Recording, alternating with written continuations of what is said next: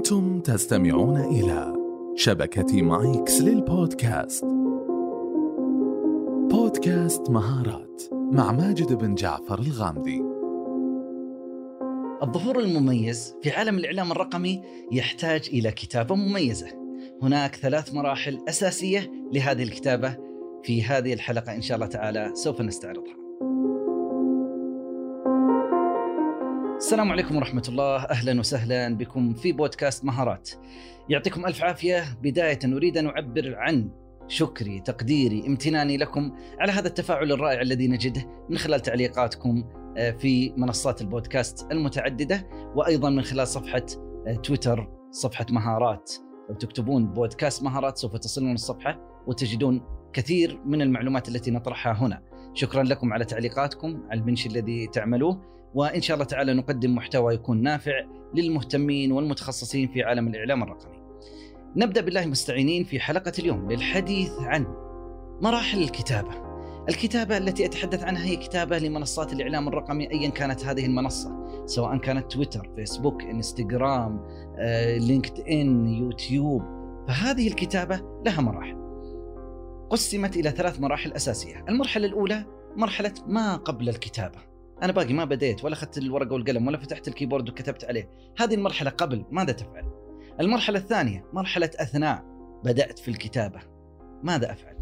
المرحلة الثالثة بعد ما تنتهي من الكتابه وينشر حتى المحتوى ماذا يجب أن تفعل؟ بإذن الله تعالى كل واحدة من هذه الثلاث سوف نفرد لها حلقة. حلقتنا اليوم سوف نتحدث عن مرحلة ما قبل الكتابة.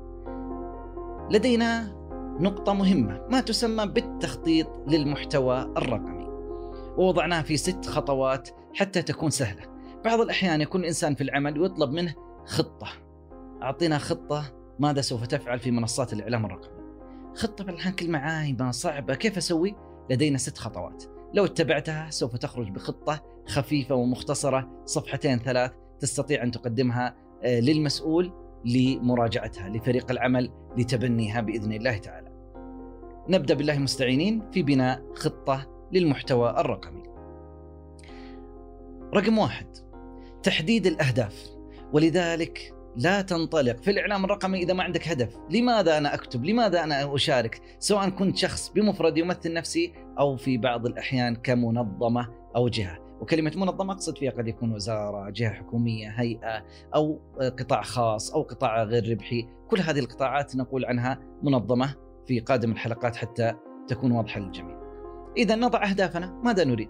والأهداف يفضل في عالم الإعلام الرقمي أن تكون من ثلاثة أهداف إلى خمسة أهداف وأيضا في موضوع الأهداف يفضل أن تكتب بطريقة ذكية وهذه تسمى SMART goals SMART تتكون من خمسة حروف كل حرف من هذه الحروف له دلالة في طريقة الكتابة. S specific إلى بقية الحروف. إذا خلينا نقول أهداف محددة. قابلة للإنجاز. لها وقت معين. وقابلة للتحقيق. وهناك فريق عمل يعمل عليها. فاكتب من ثلاثة إلى خمسة أهداف.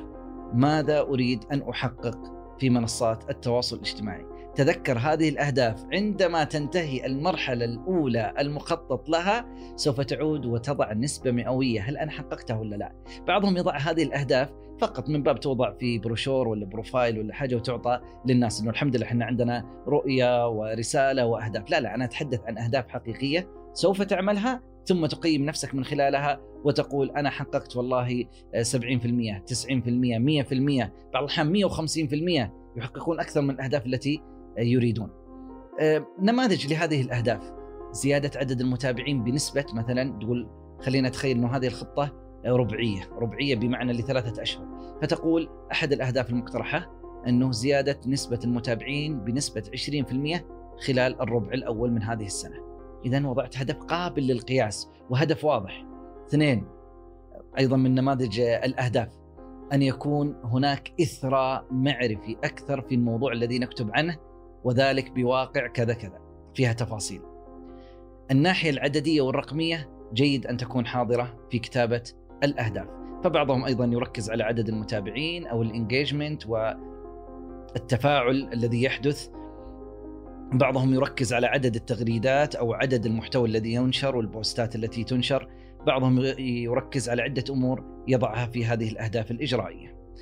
رقم اثنين من ناحية بناء الخطة للمحتوى الرقمي تحديد الشريحة المستهدفة وتحدثنا عنه في بداية الحلقات أهمية أن تحدد شريحتك المستهدفة آه، جغرافيا وعمريا واهتمامات ورجال أو نساء أكثر وتضع نسبة مئوية متفاوتة لكل شريحة مستهدفة. رقم ثلاثة اختيار وسائل التنفيذ، كيف سوف أنفذ هذه الأمور؟ في بعض الأحيان تقول أنني أريد أن أكتب محتوى مميز يعتمد على دراسات وأرقام وإحصائيات، كيف سوف أنفذها؟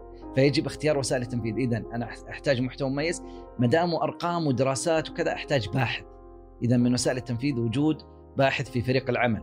بعض الأحيان يقول والله أحتاج من وسائل التنفيذ إني أبغى أسوي انفوجرافيك صورة مصممة بشكل جيد حتى يكون فيها معلومات مركزة. اذا من وسائل التنفيذ أنني أحتاج إلى تصاميم انفوجرافيك سواء سوف تكون داخليا أو استعانة بجهات خارجية. رقم أربعة الترتيب الزمني للخطة. بعضهم يضع الخطة يقول لا إن شاء الله بنسويها. لا لا ما عليكم. بإذن الله نبي نحققها. متى؟ والله ما أدري إن شاء الله الظروف بتسمح. لا الأفضل أن يوضع لها إطار زمني. أنه سوف نبدأ في اليوم الفلاني وأضع تاريخ معين. وسوف آخذ لجزئية إعداد المحتوى مثلا عدة أيام محددة ثلاثة أيام وللتصميم يومين ولخطة النشر كذا ثم سوف تنشر في اليوم السابع. هذه الخطة مريحة. بعضهم يضع خطة شهر كامل. فعلى فرضية أنه يريد أن ينشر في عالم تويتر آه، كل يوم تغريدة واحدة. فيكتب 30 تغريدة وتكون موجودة وجاهزة في أي لحظة فقط هو يختار وقت النشر. ويتم مراجعتها وتدقيقها وإضافة الصور معها خلاص هي جاهزة. وبعضهم أيضا ما شاء الله تبارك الله من الاحترافية يستعين ببعض البرامج والأدوات الفنية الجيدة آه، مثل بفر ولا هوت سوت ولا غيرها في آه، جدولتها. ماذا تفعل هذه البرامج؟ تضع التغريدة الصورة وتختار التاريخ لنشرها. أريدها تنشر بعد ثلاثة أيام بعد أسبوع بعد أسبوعين. وتضع الساعة كم؟ والله يبغى تنشر تسعة مساء لا الساعة ثلاثة ظهرا. خلاص كذا صارت الخطة متكاملة للتنفيذ مع أدوات مع ناحية زمنية وطلعت بشكل مرتب. رقم خمسة تحديد جهة التنفيذ. صار عندي خطة وصار عندي محتوى وشريحة مستهدفة واضحة ورتبت زمنيا. من الذي سوف يقوم بهذا الدور؟ أنا أو صديقي أو آخرين يحتاج توزيع هذه المهام. الذي سوف يكتب المحتوى الأول الثاني الذي سوف يصمم الثالث الذي آه، سوف يدرس الحساب ويختار أوقات النشر الأفضل. وبهذا الشكل يحتاج أن يكون هناك فريق متكامل. رقم ستة منذ البداية وأنت في الخطة حدد آليات التقييم. إذا رقم ستة تحديد آليات التقييم. كيف سوف أقيم نفسي بعد انتهاء هذه الخطة؟ بعد ثلاثة أشهر على سبيل المثال لو كانت خطة ربعية ربع سنة. كيف سوف أقيم نفسي؟ المفترض أني أقيم نفسي من خلال ثلاثة أربع خمسة عناصر آه، سواء آه، التفاعل في الحساب ال retweet ال like ال engagement الشغلات هذه كلها يجب أن تكون أحد آليات التقييم وتوضع مبكرا حتى تكون أحد أهدافنا وطوال الفترة يعمل فريق العمل فعلا على إنجازها بإذن الله تعالى إذا هذه الست خطوات التي تساعدنا في بناء محتوى مميز في عالم الإعلام الرقمي نعيد هذه الخطوات الست بإذن الله. رقم واحد تحديد الأهداف. اثنين تحديد الشريحة المستهدفة. ثلاثة اختيار وسائل التنفيذ. أربعة الترتيب الزمني للخطة. خمسة تحديد جهة التنفيذ. ستة تحديد آليات التقييم. ونحن نتحدث عن عالم التخطيط ونوصي في عالم الإعلام الرقمي ألا نبالغ في التخطيط. بعضهم يبالغ في الخطة ويجلس عليها أسابيع وأشهر لبنائها. خطة تنفيذية بهذا الشكل لا تحتاج إلى فترة طويلة. استراتيجية للحساب نعم قد تحتاج إلى وقت طويل ولكن أتكلم عن خطة تنفيذية لا تحتاج إلى حاجة أبسط وأسهل ونكون مرنين ولدينا رشاقة في العمل أكثر بكثير. بعض الأحيان تظهر لديك بعض الإشكاليات لأنه الخطة تبنى وتطور وتعدل بشكل مستمر ولذلك بالمناسبة عالم التخطيط الاستراتيجي لا يوصى به في عالم الإعلام الرقمي. لماذا؟ خطة استراتيجية طويلة المدى أكثر من خمس سنوات لا يوصى بها. لأن الإعلام متغير. الآن تتحدث عن منصة بعينها. الله أعلم هل يبقى تويتر بعد خمس سنوات ولا سناب شات ولا يطلع منصات أخرى وتكون هي منافسة؟ هل هذه المنصات سوف تزول سوف تبقى؟